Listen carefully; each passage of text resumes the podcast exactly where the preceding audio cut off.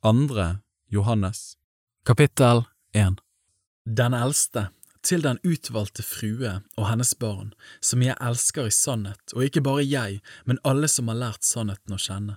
For den sannhets skyld som blir i oss og skal være med oss til evig tid, nåde, miskunn og fred fra Gud Fader og fra Jesus Kristus, Faderens Sønn, skal være med oss i sannhet og kjærlighet.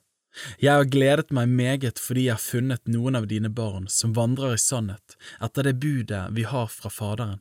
Og nå ber jeg deg, frue, ikke som om jeg skrev et nytt bud til deg, men det er det vi har hatt fra begynnelsen, at vi skal elske hverandre.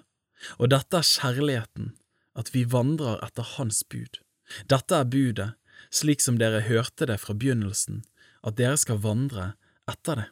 For mange forførere er gått ut i verden som ikke bekjenner at Jesus er Kristus, kommet i skjød. Dette er forføreren og antikrist.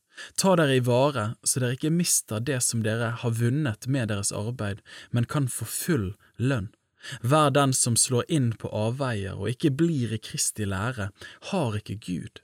Den som blir i læren, han har både Faderen og Sønnen.